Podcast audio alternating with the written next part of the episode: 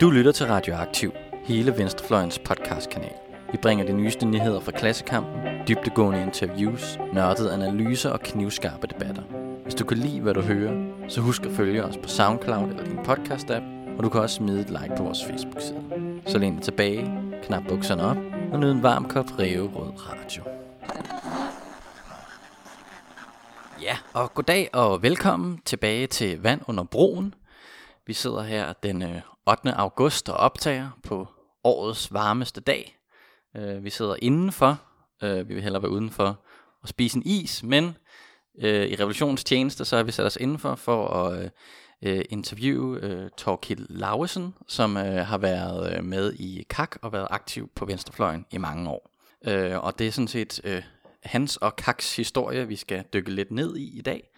Sidst der snakkede vi med øh, øh, en fra, øh, fra KAP, øh, Kommunistisk øh, Arbejderparti, og nu går vi så videre til, til KAK, øh, som øh, deler no, nogle øh, skal man sige, ideologiske overbevisninger, men er, er også forskellige på andre måder. Mit navn det er Janus Rønbak. Jeg er uddannet historiker, og min medvært er... Jonas Neivelt. Jeg er også uddannet historiker. Yes. Og så vil jeg sige uh, goddag til dig, Torkild. Tak. Yes. Øhm, du har forberedt, som sædvanligt, nogle spørgsmål, Jonas. Jeg har forberedt nogle spørgsmål til dig, og øh, jeg kunne godt tænke mig at spørge, hvis vi begynder med begyndelsen, hvordan du blev øh, politisk aktiv i sin tid. Ja, altså jeg er, jeg er i dag 66, og det vil sige, at jeg tilhører den, den forkædrede 68 øh, øh, generation, og øh, jeg blev også øh, politisk mobiliseret omkring der 68, øh, 69, 768, 69, altså lige omkring øh, 68, hvor jeg var de der øh, 16, 17, øh, 18 år på det der tidspunkt. Så jeg blev, kan man sige, mobiliseret selvfølgelig af, af, af tidsånden på, på det tidspunkt. Altså det, det, der, der var jo, øh, om ikke revolution i, i luften, øh, så var der i hvert fald øh, oprør og forandring i luften. Selv i en lille øh, provinsby i Holbæk, hvor jeg gik på, på øh, kostskole på, på daværende øh, tidspunkt.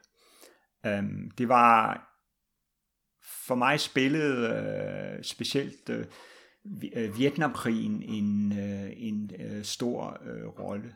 Øh, og, og også den øh, kolde krig og, og, og hele den krigsstemning, der var øh, på, på, på det tidspunkt. Den, den første øh, politiske erindring, jeg har, det er sådan set Kuba-krisen, hvor, hvor, hvor der blev delt øh, en pjæse ud til alle husstande om, at når atombomben faldt, så skulle man gå ned i, i kælderen og, og være dernede, indtil faren var drevet over. Men selv, jeg var kun 10 år dengang der, og jeg var godt klar over, at med alt det, jeg havde hørt om atomsky og forureningen af, af via atombomber, at hvad, skal, hvad, hvad, hvad når vi så havde drukket vandet og, og spist øh, konservesdåserne, og, og vi kom op, hvordan så verden ud. Så der, der var sådan en, jeg havde i hvert fald sådan en, en øh, krigsangst. Ikke? Mm. Det er sjovt, at jeg synes, mange af dem, vi, vi taler med fra den her generation, der har den der øh, altså, øh, atombevægelse, øh, der også var, og sådan noget, virkelig været noget, der har aktiveret og det synes jeg ikke, man ellers hører så meget om historien. Nej. Øh, når man sådan, så snakker man med, at der kom 68, og så skete der en masse ting. Men jeg synes ikke, man hører, har hørt så meget om den her atombevægelse. Den kan være, det er noget, vi skal dykke ned i på et tidspunkt. Men det var jo også som sådan et, et, et, et teenager, eller begyndende teenager, hvor man havde sådan en, Altså det var, det var en almindelig øh, øh, utryghed ved, ved, øh, ved øh, medierne, ikke? man, man, man, og, og, og man så alle de her øh, krigsscener også fra, øh, i, fra Vietnam i øh, øh, øh fjernsynet, ikke? og det havde en helt anden effekt, end jeg tror, det har i, i, i dag i, i, i Syrien. De der. Og de var også meget sådan, man så jo bare de de bombede, og de smed napalm, og man så folk rende forbrændte rundt. Altså, man, man så virkelig øh, Øh, krigens øh, konsekvenser. Så det havde en, en, en stor øh, effekt øh, på mig, og det øh, førte også til, at, at, at, øh, at jeg begyndte at interessere mig for det begreb, der hed antiimperialisme, ikke? Eller fordi det hang jo sammen med den imperialisme øh, diskurs, der kom frem dengang altså den snakken om, om amerikansk øh, imperialisme. Ikke? Så det spillede en, en øh, stor rolle. Det var, det var de ting, der, der fik mig øh, spolet ind på. Og så var det jo også sådan, øh, på det tidspunkt, hvordan hænger verden sammen? Øh, hvordan er den skruet sammen? Hvorfor er det sådan? Hvad er det, hvad, hvad er det for kræfter, der øh, skaber det her? Så på, så på et mere abstrakt eller generelt eller filosofisk plan, leder man måske også som ung menneske efter nogle svar, og, og, og, og hvordan hænger verden sammen? Ikke? Og det var før, kan man, kan man sige, alt det, alt det her postmoderne, ikke? så der ledte man faktisk efter. Der var der måske nogle svar på, hvordan verden var, var skruet sammen. Ikke?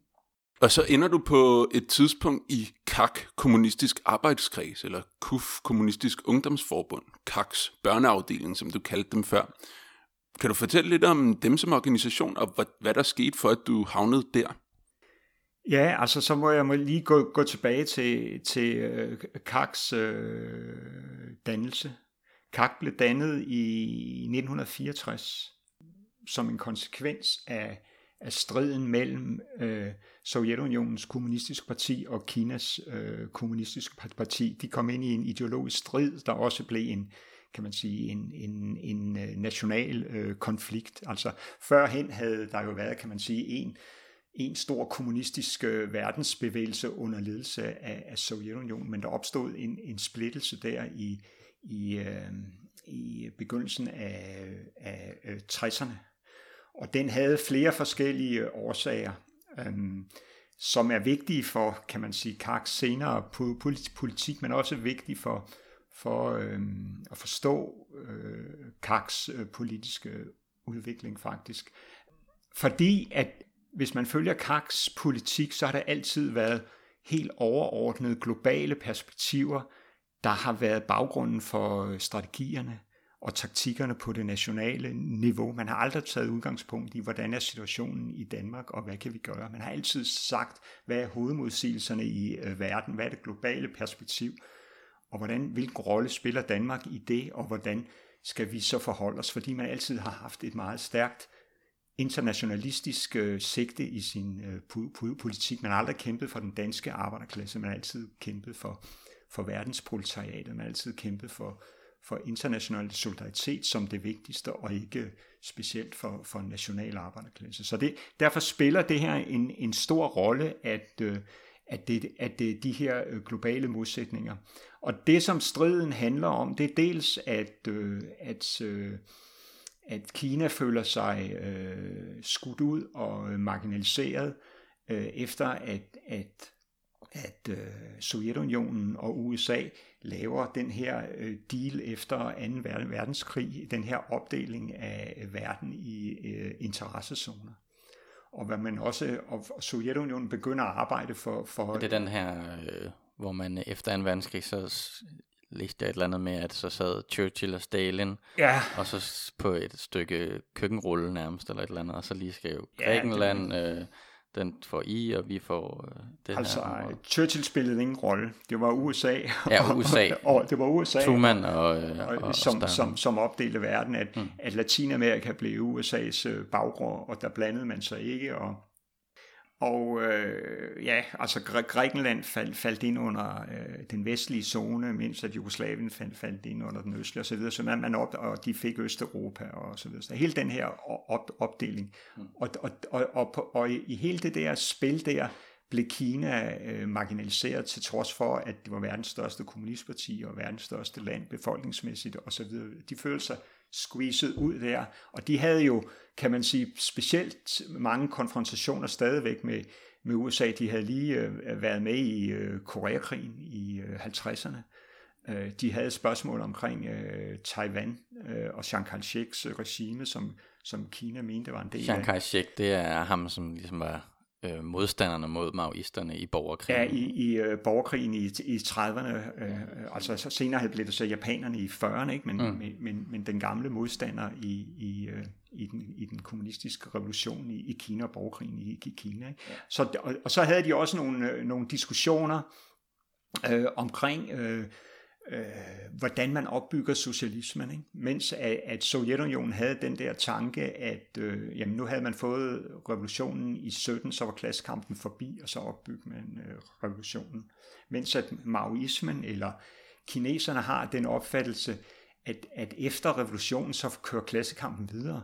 Altså, og der er hele tiden øh, øh, øh kampe, også under opbygningen af socialismen, og deres opfattelse var så, at at, at der var blevet øh, opbygget en, øh, en øh, klasse i, i, i Sovjetunionen, en byråkratisk øh, klasse, som havde afsporet revolutionen. Ikke? Man skal huske på, at den kinesiske kulturrevolution øh, kommer nogle få år senere, som er et forsøg på at gøre op med, med det byråkrati ikke? fra, fra øh, Maos side.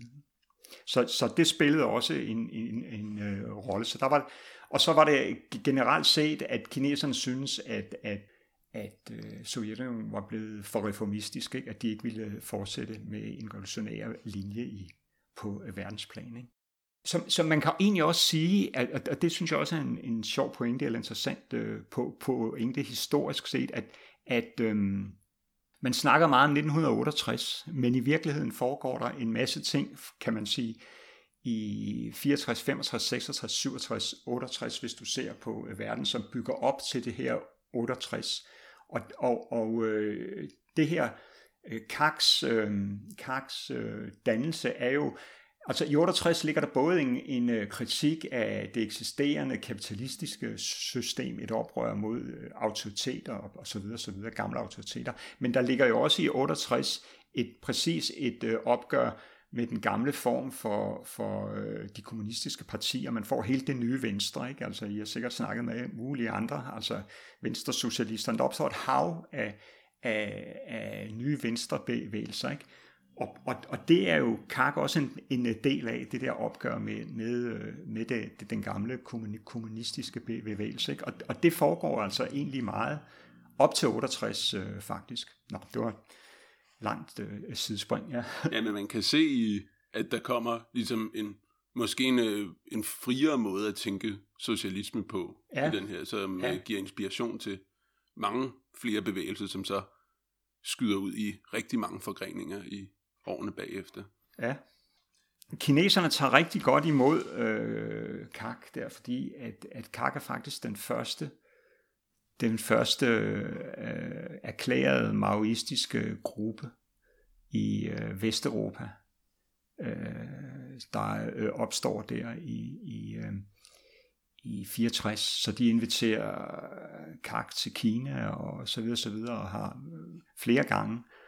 Og øh, Kak, de udgiver også øh, Maos skrifter øh, der i slutningen af 60'erne. De udgiver blandt andet Den Lille Røde, da den kommer. Den Lille Røde i, i, i 67, tror jeg, eller sådan noget, 68, eller, eller sådan noget lignende. Den går som varmt brød.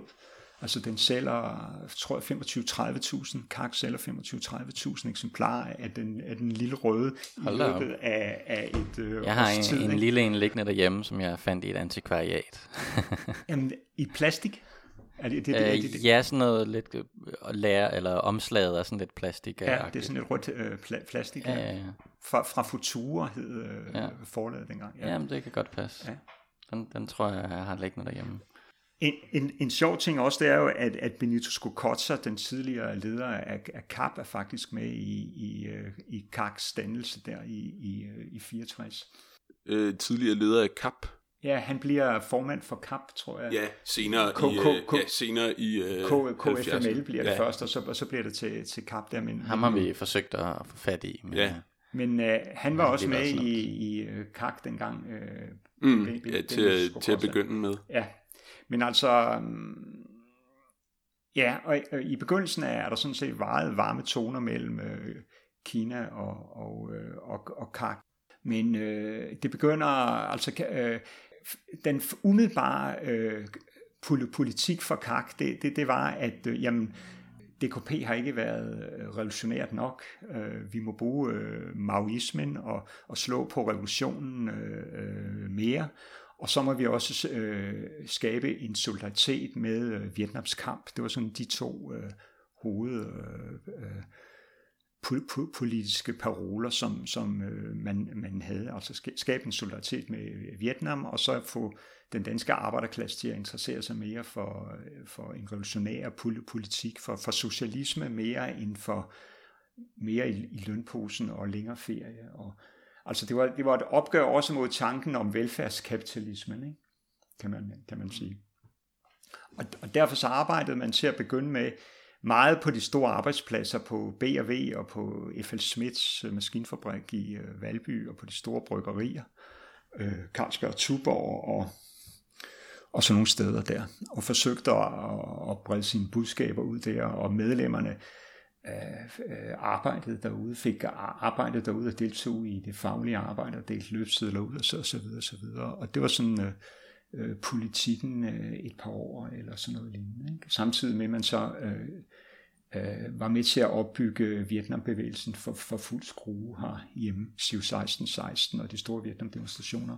Nu bliver jeg nødt til at spørge ind til noget her. Hvordan øh, havde arbejderne, hvordan modtog arbejderne på B&V og på bryggerierne budskabet om, at de ikke skulle have mere i løn og ikke mere ferie, for at øh, i stedet... Jamen, øh, altså det var der sådan set ikke, øh, altså det, det, var, det var sådan set ikke det, der var hoved, ja, altså, men, men ho, hovedbudskabet var, at, at, at, at lønkamp øh, ikke nødvendigvis fører til socialisme, og lønkamp var reformisme, altså man skulle have et andet samfund, det var det, der var det, det øh, vigtige, ikke?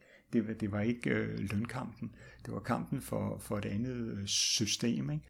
Men det, det, altså det modtog de ikke ret godt. Altså, de var, altså hvad kan man sige, hele trenden altså, er, er jo, at, øh, der er, at der åbenbart er en tro på, at der er en anden sammenhæng mellem øh, lønkamp og, og, og socialisme. Altså man kan jo se det ved de seneste overenskomstforhandlinger. De drejede sig jo heller ikke om, om socialisme. Det drejer sig om mere løn og længere frihed og bedre arbejdsvilkår. Altså der er jo ikke nogen øh, der, der er jo ikke nogen systemkritik i øh, det. Det er bare et ønske om at vende tilbage til, til velfærdsstaten, øh, som den så ud øh, for, for 10-20 år siden, eller 30 år siden.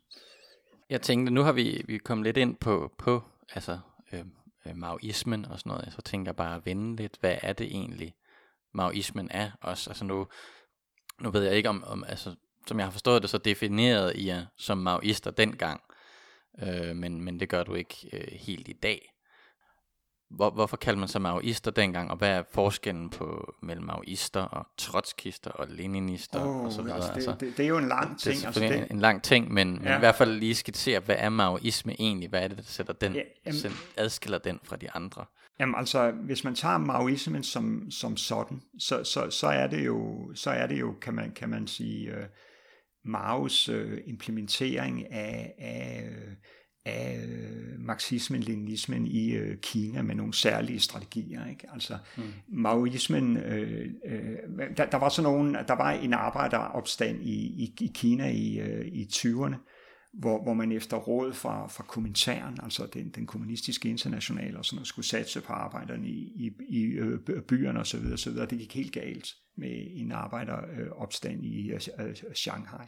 Så, så dels er, er maoismen så en, en læren af, at man også skal satse på bønderne, øh, og landarbejderne, ikke? Altså, ja. øh, fordi Kina var et halvfeudalt land og sådan noget, så det var anderledes. Så, så dels er det en større vægt på, øh, på landet og på bønderne, og så er der også en, en særlig, altså mens den russiske revolution havde karakter af kan man sige, nogle optøjer i, i gaderne og barrikader, nogle besættelser af virksomheder og måske lidt militærkup og, og altså den havde så sin øh, kar- karakter, mens den kinesiske, eller den maoistiske revolution var jo en langvarig folkekrig, som startede helt tilbage i, i øh, 20'erne og først sluttede i, i, i 49. Så det, var, så det var også hele strategien om, om, om en langvarig folkekrig, opbygningen af, af en hær og, og så videre og så videre. Ikke? Så er maoismen også, som jeg nævnte før, i dens, i dens øh, forståelse af opbygningen af socialismen, så er det en kamp som bølger, frem og tilbage hele tiden, øh, i, at, at der så kommer, at klassekampen øh, vinder frem, og så kan den blive slået tilbage, og så vinder den frem, og, og sådan noget lignende. Og det er sådan set en, en, en tankegang, som stadigvæk øh, stadigvæk er i, øh, i, det der, i, det, i det nuværende statskapitalistiske Kina. Ikke? Altså der, selv de der folk i, i det statskapitalistiske øh, kinesiske ledelse af, af, af kommunistpartiet øh, snakker jo om kapitalistklassen i, i øh, øh Kina, og der foregår en, øh, en øh, øh, klassekamp, ikke? og de vil bare forsøge at afbalancere den eller et eller andet. Ikke? Altså, men hele ideen om, at, at, at klassekampen fortsætter, den eksisterer stadigvæk i det, kinesi, øh, i, i det kinesiske øh, kommunistiske øh, parti. Ikke? Men, men, men altså, jeg, det, derfor synes jeg, at det er så...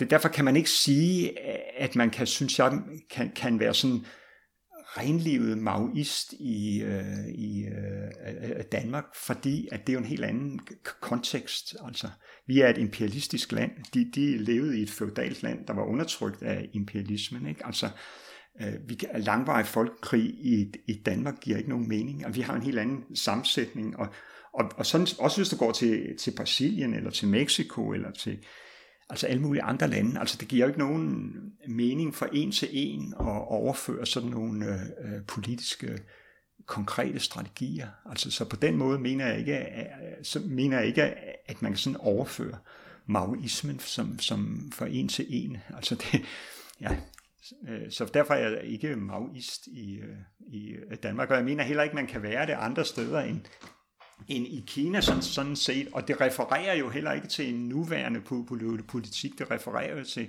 til Mao Zedongs øh, politik i, i, øh, i 40'erne og 50'erne og, og, og 60'erne. Ikke? Ja. Mm.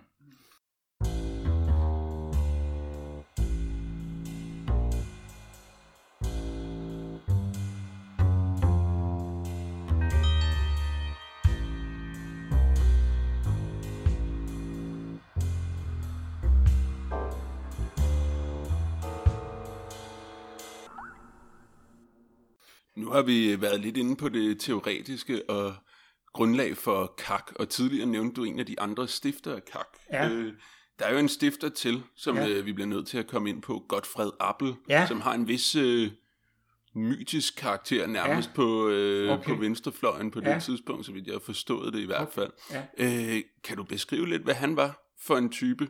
Jamen, han, han, han fik jo sin, øh, sin politiske opdragelse i DKP, mm. øh, og, og var på partiskole og så videre, videre som man nu bliver opdraget i, øh, i øh, DKP.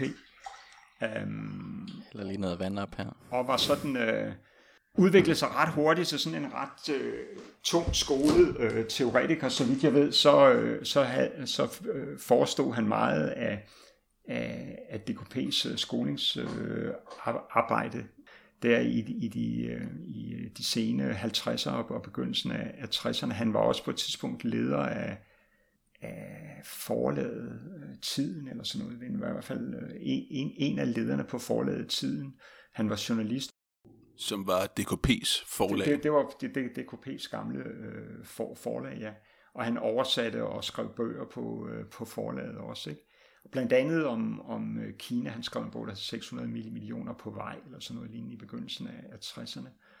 Og så øh, var han på land og folk også, og så også som, kan man sige, Kinas specialist. Ikke? Og så var han på, øh, da i slutningen af 60'erne, begyndelsen af 60'erne, blev han faktisk også ansat øh, ude på Kinas øh, ambassade, hvor han lærte dem øh, engelsk og, og dansk øh, og sådan noget lignende. Så han havde gode relationer til, til, til, til kineserne all, all, allerede i, i øh, DKP. Ikke? Men han var sådan en, øh, han var sådan en, øh, altså han, han havde den der, både den der stil, når han, øh, når han skrev og når han talte, som, som ligger meget tæt på øh, Lenins meget polemiske øh, stil, meget skarpe øh, pol- polemik til tider, arrogante, synes jeg. Men, men den der meget skarpe, øh, altså hvis man tænker, hvis man har læst nogle af alle Lenins øh, diskussioner omkring sammenbruddet af andet internationale med reformisterne. Jeg sidder og læser øh, hvad hedder den, Staten og Revolutionen, og det den hedder, ja. lige nu. Det er også... Øh, man kan godt høre, at de andre tager rigtig meget fejl. Men altså, det er, han, han har nogle debatter med sådan nogle folk som øh, Bernstein og, og øh, Kauske, og specielt de der øh, tyske øh, øh socialdemokratiske po, po, politikere omkring øh, øh, efter, efter Første Verdenskrig, og, og det er meget den, øh, det er meget den debatstil og den tone, som, som øh, hvis du ser Kaks øh, polemikker med, øh, med venstrefløjen øh, i, øh, i slutningen af 60'erne og begyndelsen af 70'erne, så er det samme. Det er samme øh, retorik og, og, og øh, samme stil. Ikke? Så man kan sige, altså jeg, jeg ved ikke om, om Altså, der var en meget stor respekt selvfølgelig for folk øh, i, i, øh, i øh, Kak øh, for Godfred Appel øh, og hans øh, viden og, og hans debatform. Øh, altså, det var, han var virkelig svær at, at bide skære med, ikke? og han kunne altså sin, øh, sin klassiker på, øh, på, på fingrene. Ikke? Og det var jo meget sådan stilen, det der med, at hvis man bare kunne... Øh, kunne finde nogle Marx og Engels og øh, Lenin øh, citater, der kunne underbygge ens øh, argumenter, så var man home free øh, øh, på øh, mange måder. Ikke? Men altså, hvornår bliver du så, øh, hvornår kommer du så ind under Kaks beskyttende vinger? Jamen, jeg bliver introduceret øh, for, for øh, Kak af, af, en, af, en, af, en, af en kammerat på øh, kostskolen, som var i, øh, i øh, forbindelse med dem. Og det, som, og det, som øh, tiltrak mig umiddelbart ved, øh, ved øh, Kak, det, det var, at de kunne forklare mig, de kunne forklare mig den der øh, sammenhæng mellem, øh, mellem øh, mellem vores øh, velfærd og så øh, nøden i den, øh, i, i den tredje verden. Altså hvad skal man sige, personligt. Og det mener jeg også gælder arbejderklassen. Jeg kommer fra middelklassen, kan man sige. Min mor var sygeplejerske, og min far var styrmand. Øh. Men der var masser, jeg omgik jo også arbejderklassen, og, og det var jo på det tidspunkt, hvor jamen, vi, vi, øh, vi fik øh, bil, og vi flyttede i parcelhus, og Øh, vi havde køleskab og radio, og jeg kunne købe et stereo an, anlæg og fik en båndoptager til min konfirmation, og altså, der var ikke nogen problemer, når jeg skulle have nye sko eller en øh, overfrakke, og vi fik fagfjernsyn, altså det gik, det gik derud af, ikke? Øh, kan, man, kan man sige, under, under kapitalismen. Hvorfor øh, skal vi have socialisme? Det kører jo, det kører jo super godt, ikke? Og så samtidig, så, så, så, så havde man den anden side, øh, af, af kapitalismen i, i den tredje verden, som blev symbolgjort via, via Vietnamkrigen. Ikke? Men hvis du satte røde knappenåle på verdenskortet på det her tid, så havde du revolutionære bevægelser i, i de fleste latinamerikanske lande. De groede frem i øh, Afrika, og du havde hele Sydøstasien øh, osv. osv. Der var millioner af mennesker på det her tidspunkt, som kæmpede og ville dø for øh, socialismen. Ikke? Mens at vi herhjemme, der ville vi kæmpe og dø for 10 kroner mere i timen, eller måske ikke dø, men, men, men her drejede kampen sig om, om mere ferie og lønkamp, og endnu mere i lønposen til endnu flere forbrugsgoder. Ikke? Og den der modsætning der, og, og den store forskel i øh, verden, den kunne øh, Kaks øh, imperialisme, teori og forståelse øh, binde sammen øh, for mig. Ikke? Og ydermere så var der så også mødet med de her øh, øh, kakker, som var, som var personligt meget alvorlige og meget øh, dedikerede folk. Ikke? Det var folk, som arbejdede, øh, og jeg må ikke give 24 timer, så 16 timer med, med politik i øh, øh, døgnet, og det havde sådan hovedprioriteten øh, øh, for dem. Det var ikke deres det var, det var ikke en hobby, de havde ved siden af, af deres studier på, på universitetet eller, eller noget andet. Det var det, var det de, øh, de brændte for, for, for fuld hammer. Ikke? Og, og, og den der, øh, det gav der altså også en troværdighed, at, at, at de selv stod inden for det. Så kan man jo øh, sige, at øh, hvis vi skal bringe endnu et begreb på banen, så har vi jo snylderstatsteorien, ja. som er, øh, er det det, du skitserer her med, hvordan, øh, med hvordan Dan, den danske, også den danske arbejderklasse, ligesom er en, ligesom snylder på altså, den tredje verdens nød. Altså snylderstatsteorien stammer egentlig fra, fra en, øh, en mand, der hedder Hobson, John Hobson, som i 1901 skrev en, en bog, der hedder Imperialismen as Study. Og det er også den bog, der introducerer ordet imperialisme faktisk for øh, første gang. Også begrebet snylderstat.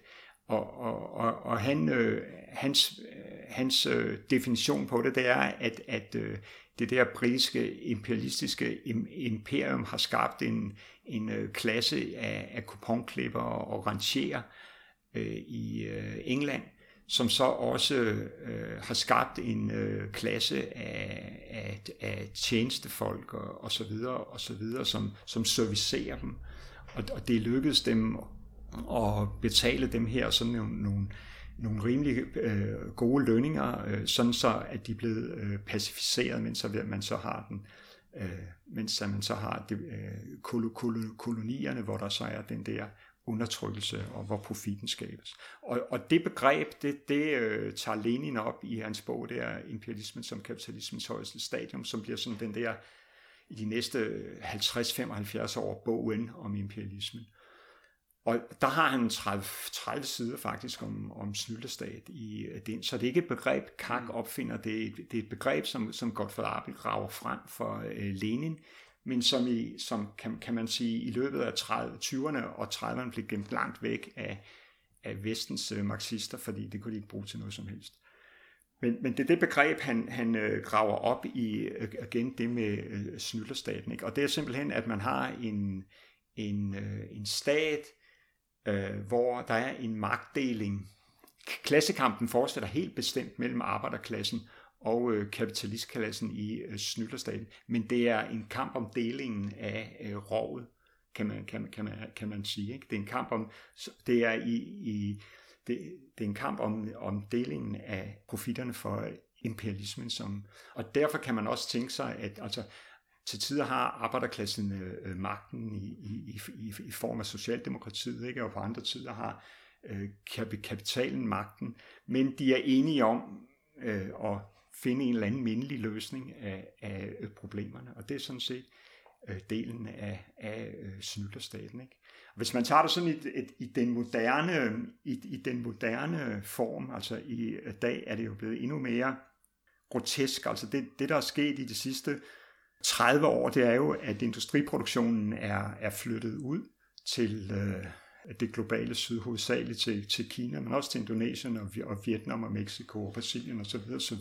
Antallet af arbejdere er, er faldet og faldet i USA og i øh, Vesteuropa eller øh, EU, mens det er stedet og, og stedet i den tredje verden. 70-80 procent af 80% af verdens industriproduktion bliver foretaget i den globale syd, mens at det er kun cirka 20% i øh, nord. Og hvis jeg kigger ned ad mig selv, så er min, mine bukser og min t-shirt og min sko øh, fremstillet i, i øh, det globale syd. Den mikrofon, jeg, jeg taler i, og, og hele det elektroniske haløjser, vi kigger her, det, det kan godt være, at der står Sandhøjser, og, og det er til synligheden af tysk. Det er øh, designet i Australien og lavet i Kina. Ja, men det er altså, det, der står, ja. men altså, alle vores, kan man sige, det vigtigste industriprodukt i dag, smartphone, den er i hvert fald lavet i øh, af Kina. Vores, mine briller her, altså øh, IKEA-møblerne, øh, you name it, det er fremstillet i øh,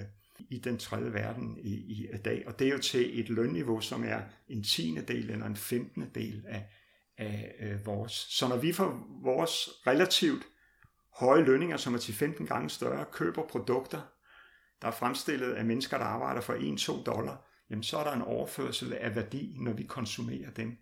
Og derfor kan man sige, snylder vi på det, man kan, man, man, man, jeg vil hellere kalde det måske konsumtionsstater, altså hvor vi konsumerer uden at, at producere.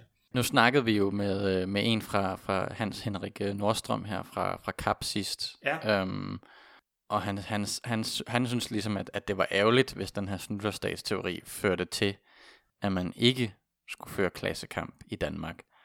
Og det, altså det, må, det tænker jeg, tænker jeg også, at, at det måske er en lidt deprimerende konklusion på en eller anden måde at man, øh, at, at der hvor man selv befinder sig, fordi det, det plejer at være mit udgangspunkt, når jeg skal lave politik, det er, at der hvor jeg selv befinder mig, dem som jeg er en del af, ikke, ikke som venstrefløj, fordi det er nogen, jeg deler tanker med, men der hvor jeg er som, øh, som person i mit liv, det er der, hvor jeg bedst kan gøre en forskel. Ja. Og derfor giver det bedst mening, at jeg som person, der lever i Danmark, prøver at skabe noget med den danske arbejderklasse. Og det, og det virker også lidt altså specielt i det, med neoliberalismen, som ligesom har forværret en række vilkår. Altså nu har jeg lavet noget sammen med øh, næstehjælperne og de reformramte og så videre. Jeg kender nogle af dem, der laver almen modstand nu, som prøver at lave noget øh, i, øh, i forhold til ghettopakken og sådan noget. Det virker lidt deprimerende at sige til dem, vi skal alligevel ikke lave noget her, fordi øh, der, der kan ikke ske nogen forandring i Danmark. Jamen det, det siger jeg jo heller ikke. Nej, nej. Det, det er okay, nej, nu, prøver, nu er jeg lidt karikeret, ja, ja. men i forhold til hvordan at, altså fordi sådan, men, men, sådan er der nogen, der tænker lidt omkring ja, ja, den her teori. Men, men, men for det første, så tror jeg ikke, at man kan drive politik ud fra, hvad man synes er, er deprimerende eller ikke deprimerende. Altså hvis situationen er sådan, at, at, øh, at øh, hvad skal man sige, kampen for mere velfærd ikke bringer os nærmere en anden verdensorden, så er det jo sådan, altså hvis, hvis, hvis den kon- konklusion er det, så kan man jo ikke sige, fordi det er en, det er en kamp, der altid er dejlig at føre, så må jeg føre den. Ikke? Altså, øh, og for det andet, så, så er der masser af, af, af kampe, som giver rimelighed i at, at føre i øh, vores del af verden. Men det kan vi måske, jeg ved ikke, om vi skal vende tilbage til det. Det er måske mere hen til, til slutningen. Eller, det er rigtigt. Vi har et spørgsmål, der måske passer meget ja, godt til ja, det til sidst. Ja. Øh, nu har vi ligesom det teoretiske grundlag på ja. øh, klar. Og så tænker jeg, der var jo også en øh, mere aktivistisk del af ja. arbejdet her. Og ja. der går jo nogle historier, for eksempel om Verdensbankens topmøde ja. i København i 1970, hvis ja. jeg husker rigtigt. Øh, der var I med, så vidt jeg kan forstå. Ja, altså, hvis jeg skal sige det sådan, altså, øh, så må man, at, at øh, Kak havde jo også en, øh, en øh, praksis, ikke?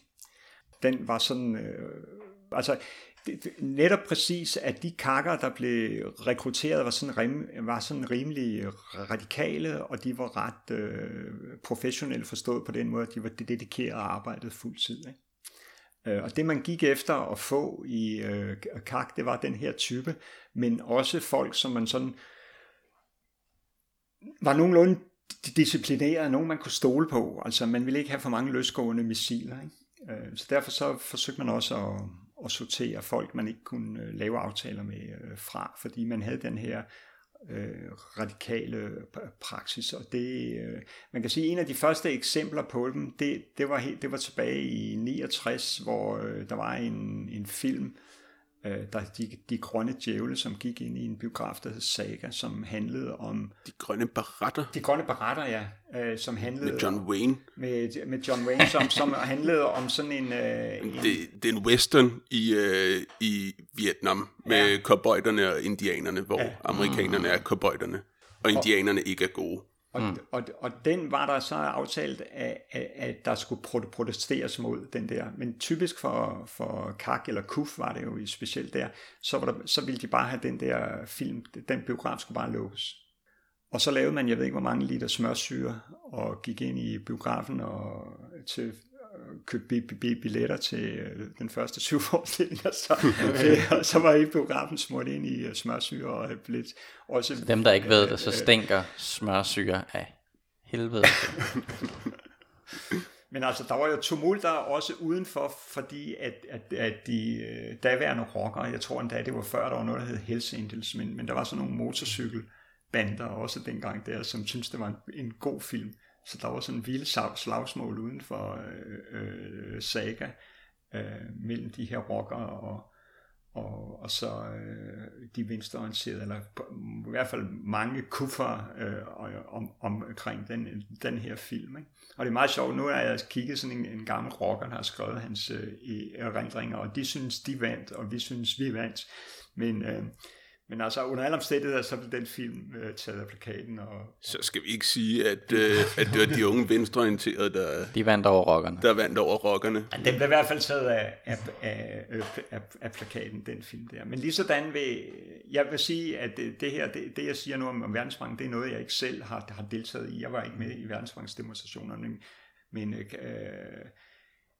uh, Kufes eller Kaks øh, idé med øh, verdensbanken, det var, at man ikke skulle demonstrere mod den, men man skulle øh, stanse den. Altså, øh, at det gav ikke nogen mening at øh, demonstrere mod den. Hvis man skulle have en effekt, så, så, så skulle man stoppe den. Ikke?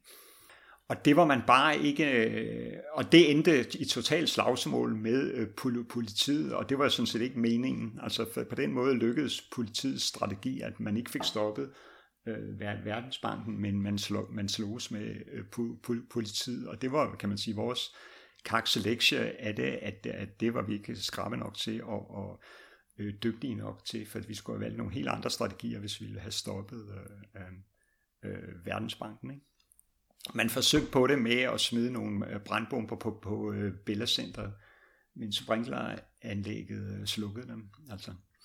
Så det var ikke særlig øh, professionelt gjort. Øhm, ja. Det var det billedcenter, der lå dengang. Ja, det er det nuværende Grøndal Center. Ja, det lå på, der var der en, en campingplads ved siden af ja, Bellerhøjhuset. Ja, der. det ligger lige ved siden af den nuværende politistation ude ja. i Bellerhøj, hvis nogle af vores lyttere har, har overnattet Jeg har der. også altid undret mig over, hvorfor at Bellerhøjcenteret lå ude på det flade Amager. Jeg tænkte Men det er sådan, fordi, det er blevet flyttet. Okay, ja, jamen det, jeg tænker Det også, var der er sådan sgu en, ikke øh, særlig det var- højt herude. Altså. Det var sådan nogle pavillonlignende bygninger dengang. Det var ikke sådan særlig permanent. Det var sådan noget lidt øh, mildt. De var lavet, tror jeg, i forbindelse med noget, med noget food, med noget dansk landbrug øh, en gang i 60'erne, det der center der. Nå. Ja, men, men så på den måde kan, kan man sige, og, og det var sådan set, øh, Verdensbanken var, var sådan set det, det, det, det punktum, der blev sat for, for Kaks øh, aktivistiske øh, politik, øh, sådan udadvendte øh, aktivistiske øh, politik i, øh, i øh, øh, Danmark, så gik man i øh, tænkeboks, og så sagde man, hvordan kan vi lave en mere meningsfuld øh, praksis, ikke? og så begyndte man at opbygge, kan man sige, det der hed øh, Tøj til Afrika, eller sloganet solidaritet, det er noget, du kan have i, i hånden. Det er ikke en øh, demo, det er ikke en politisk erklæring, du skriver under. Det er, det er nogle materielle ting, du kan have i øh, hånden. Det er, det er Det begyndte at handle om at sende solidaritet til andre lande det, igennem. ting, ting øh, de kan bruge rent, som, som Ja. ja. befrielsesbevægelserne kunne øh, bruge materielle ting, øh, penge, sko, tøj, medicin, øh, radioudstyr, øh, whatever. Ikke? Altså, det var solidaritet, det er en konkret hjælp, du kan have i hånden. Ikke?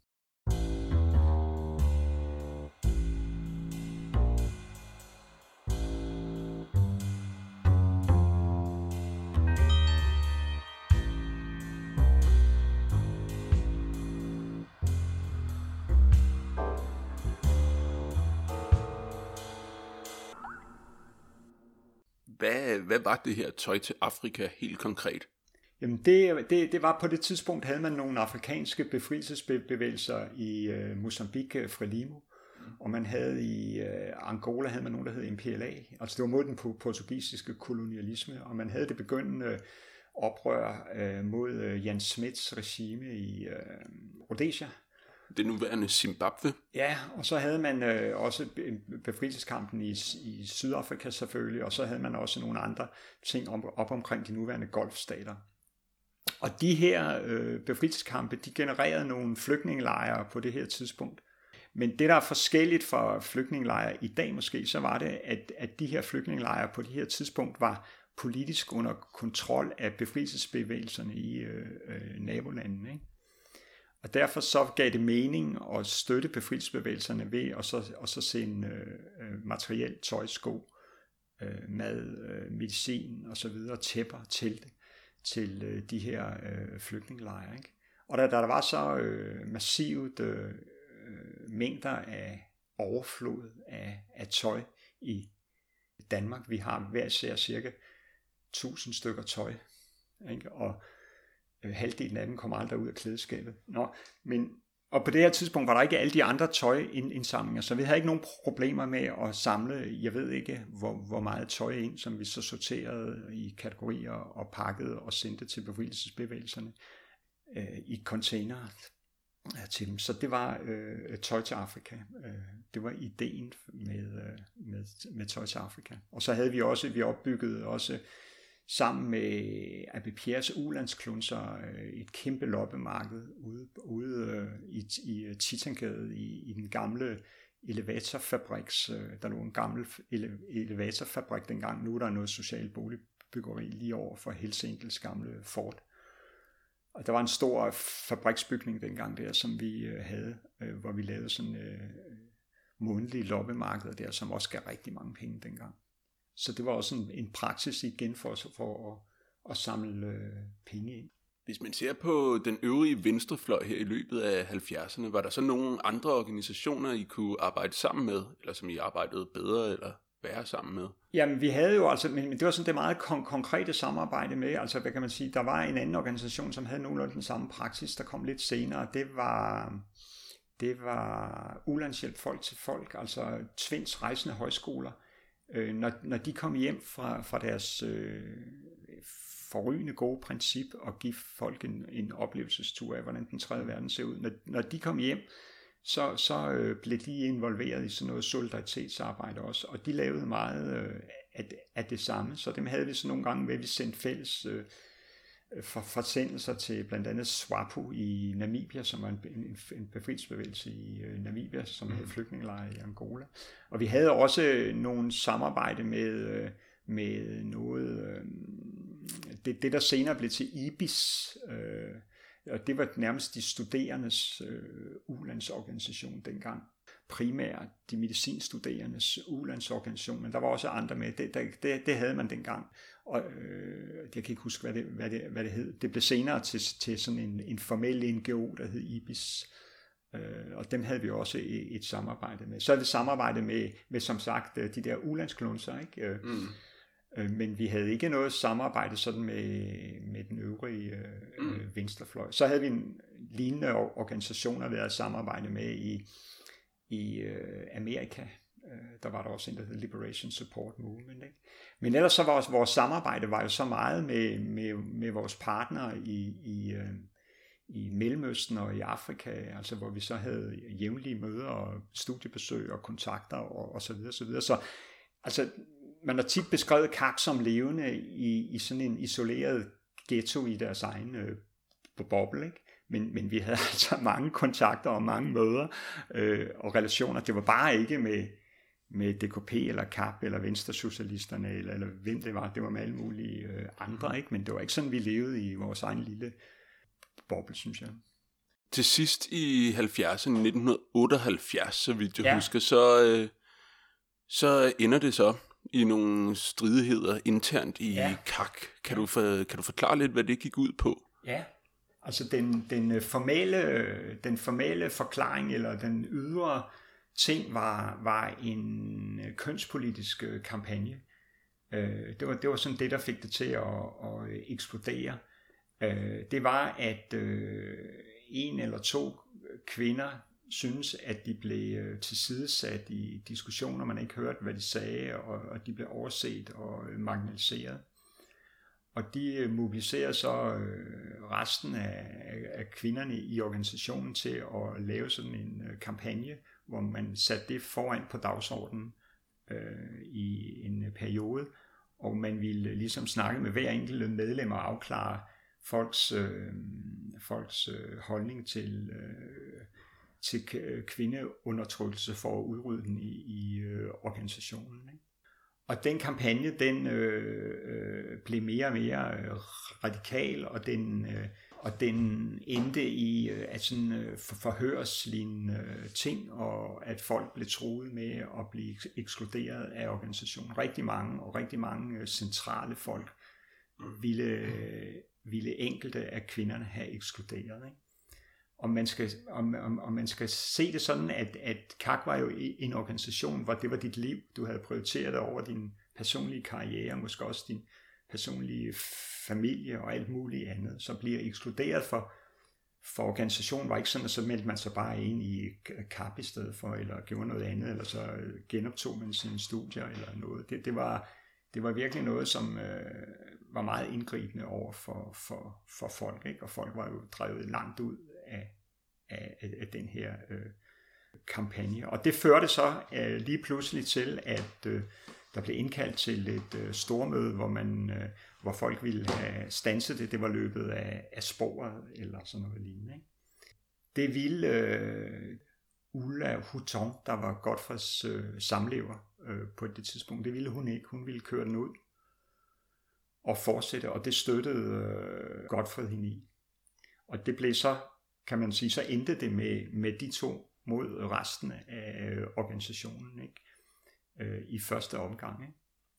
efter de sådan set var blevet øh, ekskluderet, de to øh, personer, så fragmenterede øh, den resterende organisation i en to-tre øh, afdelinger. Det, der senere blev til Manifest Kommunistisk Arbejdsgruppe, og så til sådan noget, der hed øh, MAG, Marxistisk øh, Gruppe og så en eller anden anden lille gruppe. Ikke? Øh, og, hvorfor, en, hvorfor en gik du ind i? Gik du ind i jeg gik ind i, i, øh, i uh, manifestgruppen der, som var den største, mm. og som var de mest centrale medlemmer, og dem, som ligesom, kan man sige, også kunne overtage aktiverne. Altså, og de andre to, de døde ud. Altså de andre to ville fortsætte en masse diskussioner og e- e- evalueringer, ikke?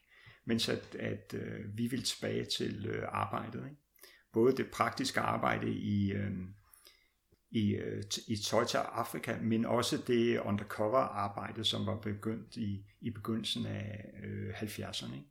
Vi mente, vi havde en forpligtelse over for befrielsesbevægelserne til, at vi ikke bare kunne diskutere over ud og over ind øh, øh, om dit og dat. Altså nu må vi komme tilbage til, til, til solidaritets øh, arbejdet. Ikke? Men bag den her, bag, den her kønsdiskrimineringskampagne lå der også nogle personlige modsætninger, en masse personlige modsætninger. Mm. Og så lå der også... Det er ikke nyt. Det siger du? det er ikke hverken nyt eller gammelt på venstrefløjen. Nej, nej. Men, men, men, men altså, og meget af det ligger også i, at, at, øh, at, øh, at de kuffer havde i løbet af, det her sker i 78, ikke? op gennem 70'erne, var, var os, der var gået ind som 18-19-årige, vi var jo blevet øh, ældre mennesker og var blevet modne og havde fået vores egne øh, politiske standpunkter tydeligere. Ikke? Øh, og vi havde også, øh, kan man sige, hvad skal man sige, vi havde også nogle andre krav til demokrati i organisationen og lydhørhed og, og så videre og så videre. Så organisationen kunne simpelthen ikke køre videre, synes jeg, ideologisk, altså fordi den havde været meget Marx eller Lenin altså Max Lenin og, og, og Mao og så Nick Strider. ikke? Altså der var jo masser af nye teoretikere, der var, der var kommet siden, ikke? Og masser af nye tanker, der var kommet siden, som vi, som vi gerne ville inkludere i, i arbejdet, ikke? Og der var også, vi ville også gerne have nogle andre organisationsformer, ikke? Så de her ting lå som, som understrømmen, og så blev den her kønsdiskrimineringskampagne så øh, udslaget, der, der øh, splittede organisationen synes, synes jeg, vi skal vende lidt tilbage til den diskussion, vi lidt tog hul på, og som er, er noget af vores sidste øh, spørgsmål. Ja. Øh, vi er også vi har en, snakket en lille time nu, så det er meget godt at komme til enden. Øhm, og det er det her med, øhm, hvad tænker du ligesom, og det er sådan et spørgsmål, vi stiller alle vores øh, gæster, altså hvad er, hvad er forskellen på venstrefløjen dengang i 70'erne og i dag? Hvad er værre, hvad er bedre, og hvad kan vi ligesom bruge fra dengang i dag? Altså, hvad, er der noget, venstrefløjen i dag kan lære af dengang? Ja, altså, jeg vil sige, at øh, hvis jeg skal sådan sige sådan en overskrift på det, mm. øh, så, vil jeg, så vil jeg sige, at, at øh, vi, var, vi var dengang i øh, 70'erne for optimistiske. Altså, øh, vi troede jo dengang, at, øh, at øh, at mens 68 øh, rullede, at det ville rulle videre, og verdensrevolutionen stod for døren. Ikke? Og det var ikke sådan set urealistisk, hvis man så på alle de oprør, der var rundt omkring i, øh, i øh, øh verden. Ikke? Altså, og selv i, måske ikke så meget i øh, Danmark, der var der jo ikke specielt meget gang i den, eller hvad skal man sige, der så der ikke ud som, som regimet ville, ville falde, men, men selv i USA var man jo øh, øh, nervøs. Man havde øh, Black Panthers dengang, øh, om, om, at der var virkelig en, en nervøsitet også i, i USA. Øh, også på grund af modstand mod Vietnamkrigen og, og sådan noget lignende. Ikke? Men, men altså mest i den, i den tredje verden. Så, så, så, så jeg, jeg synes, men, men det blev jo aldrig til en, en skid, og, og, vi, og det kan man, at der er der nogle forklaringer på. Men vi var for optimistiske dengang. Til gengæld så synes jeg, man er alt for øh, pessimistisk øh, i øh, dag. Der er ligesom sådan en, øh, en eller anden tro på, at systemet øh, kører videre. Det skal nok finde en eller anden ny øh, udvej, en eller anden ny løsning, en eller anden ny, øh, i citationstegn, neoliberalisme, der skal klare det, en eller anden ny turn, øh, som, som nok skal, skal bringe systemet videre. Og det tror jeg ikke på. Altså jeg tror faktisk, at at, øh, at, at systemet er ved at, at have løbet linen ud. Altså, så på den måde er jeg sådan set meget mere optimistisk, end jeg var i øh, 70'erne. med den objektive situation. Altså, at, at, øh, at jeg tror, at øh, kapitalismen løber ind i voldsomme øh, problemer i de næste årtier. Altså, jeg, jeg, jeg tror, det bliver meget dramatiske øh, forløb, som vi løber ind i nu. Ikke? Men problemet nu er jo så, kan man sige, det man kan kalde subjektivkræfterne, altså øh, organiseringen af dem, der skal skabe en anden og bedre verden, den er ret svag nu. Det var lige modsat i øh, 70'erne, at der var subjektivkræfterne i og for sig ret stærke, men, men den objektive situation var ikke med os. Du tænker sådan, det, det revolutionære subjekt, som i subjektiv Ja, men også organiseringen, øh, mm. kommunismen øh, som brand, øh, Ja.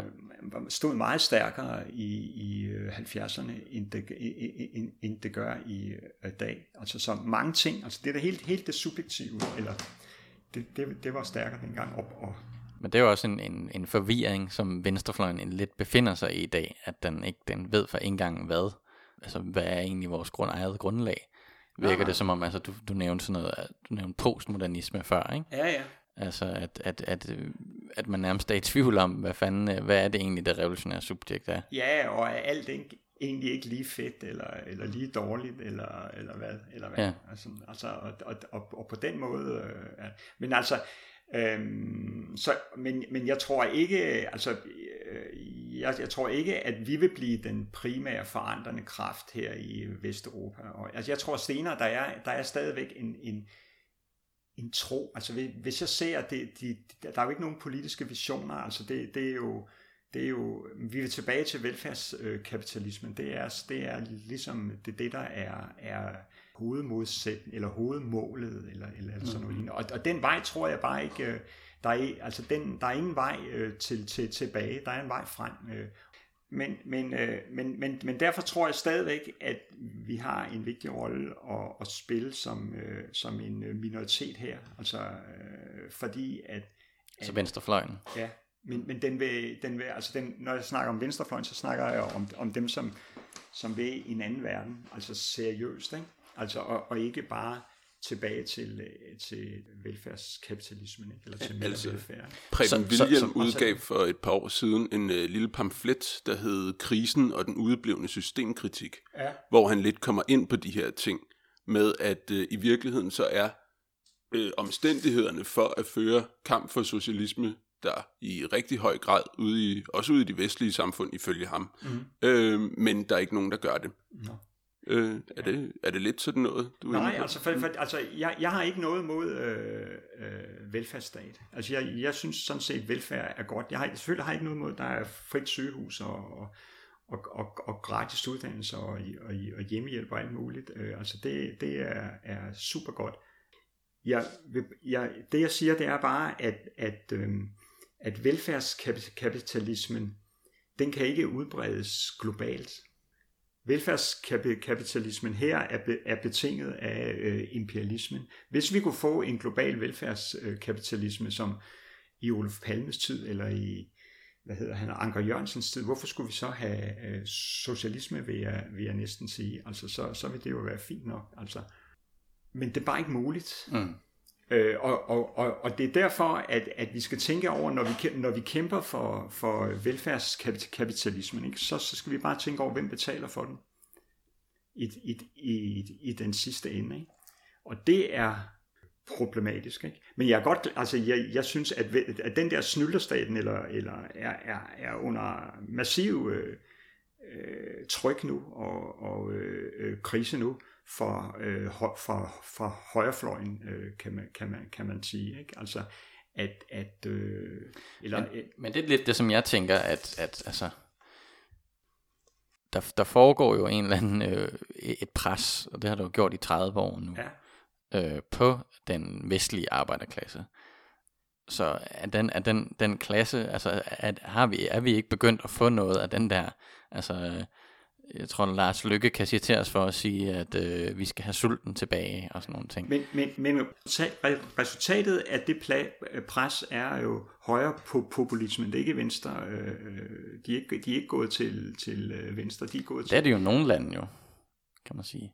Ja, Altså Podemos, Syriza og så videre. Ikke? Det og, så jeg ikke. Altså, og så kan man kritisere nogle af dem for... De vil, de vil også bare til, tilbage til, til 90'ernes velfærds... Øh, øh, Grækenland, hvor de alle sammen fik en lille sølvgrå øh, bil, øh, og, hvor det, og, og, og, og hvor det kørte derud. De, de, de valgte jo at sige, de valgte jo ikke noget brud med EU, de valgte ja, ja. jo at, at gå tilbage og håbe på, at de langsomt kom tilbage til velfærdsstaten øh, øh, igen. De kunne have valgt et radikalt brud. Men hvad er det så, vi skal, hvis, hvis, øh, hvis øh, nu laver jeg et andet program, der hedder Katalysator, hvor jeg ja. interviewede Pelle Dragsted, ikke? og han... Ja om nogen øh, præ- repræsenterer den her venstrepopulisme, kan ja. man kalde det, ikke? Ja. Øh, som, øh, som ligesom øh, tænker, jamen øh, vi er, er i en æra af neoliberalisme, og øh, det, det, det skaber ligesom en mulighed for, for øh, os som venstrefløj at komme frem, og det gør vi ved hjælp af nogle af de her øh, velfærdspunkter blandt andet, ikke? Ja. Det, det er hans svar på, hvad vi skal gøre, og så tænker hans tanke er jo så, jamen det, det leder os over i en eller anden form for revolutionær situation, fordi vi presser øh, kapitalismen og styrker arbejderklassens positioner. Ja. Det, det er hans idé. Ja. Men hvad, hvad tænker du, hvis vi ikke skal følge den vej, hvad er det så for en vej, Jamen, vi skal følge altså, som jeg venstrefløj? Jeg tænker, man skal se det fra et øh, globalt perspektiv. Hvor, hvor, hvor, hvor, hvor, hvor er de kræfter, der, har, der ligesom har interesse i radikalt øh, systemskrift? Hvor er det, at, der, hvor er det, at, at kapitalismen skaber øh, nød og e-, elendighed? Og, og, og hvor der virkelig er. Altså, en, en, en person på kontanthjælp i, i øh, Danmark eller på arbejdsløshedsunderstøttelse får imellem 8 og 10.000 kroner, øhm, alt efter om de er enlige eller forsørger eller alt muligt andet. Ikke?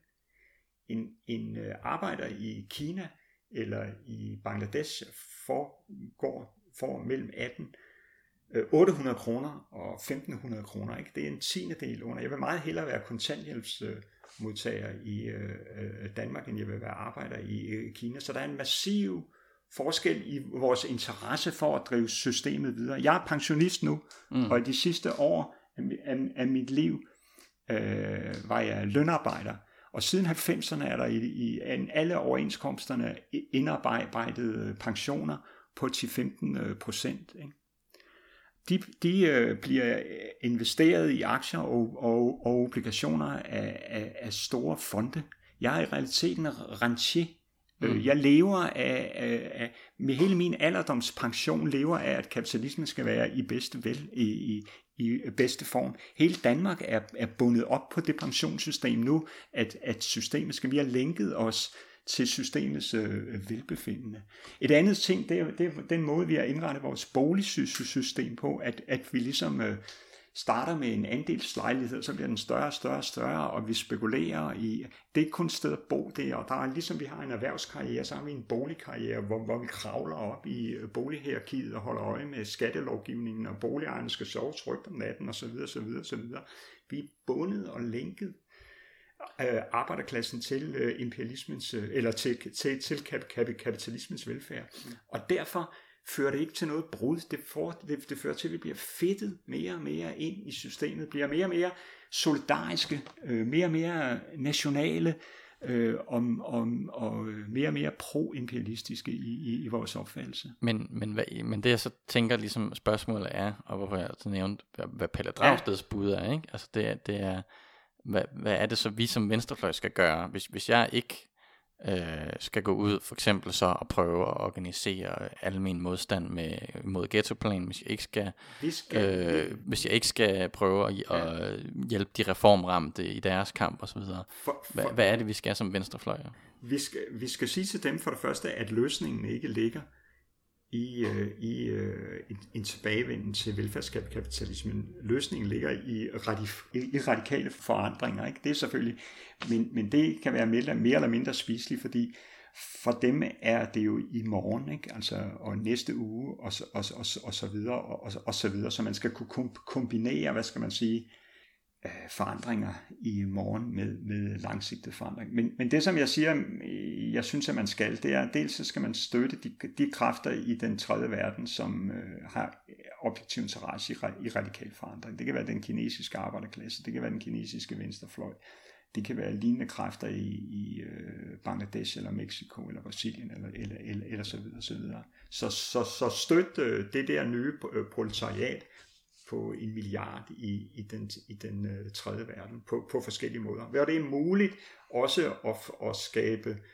øh, forbindelse mellem øh, arbejderklassen i øh, vest og arbejderklassen i den tredje verden. Der er nogle muligheder i og med, at at selve den kapitalistiske produktion er blevet globaliseret i de her produktionskæder, som, som strækker sig fra, fra øh, nord til syd og tilbage til øh, syd. Altså det der med, at, at, en, at komponenter i en bil er produceret i et hav af forskellige lande, ikke?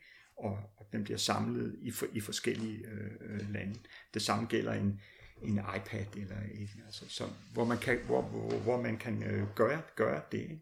Og så tror jeg også, det er meget vigtigt, at vi øh, bekæmper højrefløjen har hjemme den pro-imperialistiske øh, højrefløj, og den fascismen har øh, hjemme, fordi den vil være, den vil være et sikkert bag, bagland for, for øh, imperialismens øh, angreb øh, øh, i den tredje verden eller i det globale syd. Så, så det er meget vigtigt, at øh, vi at øh, vi bekæmper den øh, også. Ikke? Men der er også andre spørgsmål, hvor, hvor, hvor, hvor, hvor man kan finde fælles interesser. Altså, det kan være i, øh, i, i øh, klimaspørgsmålet og miljøspørgsmålet, som jo er grænseoverskridende. Ikke? Så der er masser af, af, af punkter, hvor man kan finde fælles ting. Ikke? Og så tror jeg, det er meget vigtigt, at man tænker i et lidt mere langsigtet perspektiv, altså i, i stedet for næste parlamentariske samling, så tænker i et femårs øh, perspektiv i det, man skal tænke på, at jeg tror, vi, vi kommer ind i en, i en meget dramatisk øh, periode i, i kapitalismen, så man skal tænke lidt længere. Hvordan øh, organiserer vi os øh, i, i forhold til øh, øh, det, og hvad kræver de øh, kampe på lidt øh, længere sigt? Ikke? Vi skulle løbe over tid, og vi kunne snakke, ja. vi kunne snakke videre omkring det, det her. Man. Vi prøver altså at holde os under en time. Men øh, nej, det, det, det skal du ikke. Det er jo mega spændende. Vi skal nok klippe men, øh, i det. Vi prøver, vi prøver at klippe det lidt ned, men, øh, men vi skal også lade være nok lade være med at klippe alle de spændende ting ud. Øh, jeg vil sådan set bare sige tak, fordi du vil deltage. Ja. Og, øh, og så vil jeg sige, øh, yes. og så vil jeg sige uh, tak til vores uh, lyttere, fordi I vil lytte med. Mm. Og øh, næste gang, hvem skal vi snakke med næste gang? Vi prøver at få fat i en øh, trotskist, men det, det, er lidt svært. Det er lidt svært. Øh, men vi skal nok finde frem til en, øh, til en god trotskist. Okay, ja. Sagde jeg det? Så en god trotskist? uh, nej, vi laver sjov. Uh, men uh, ja, vi ses næste gang. Ja, hej, hej. det gør vi. Hej.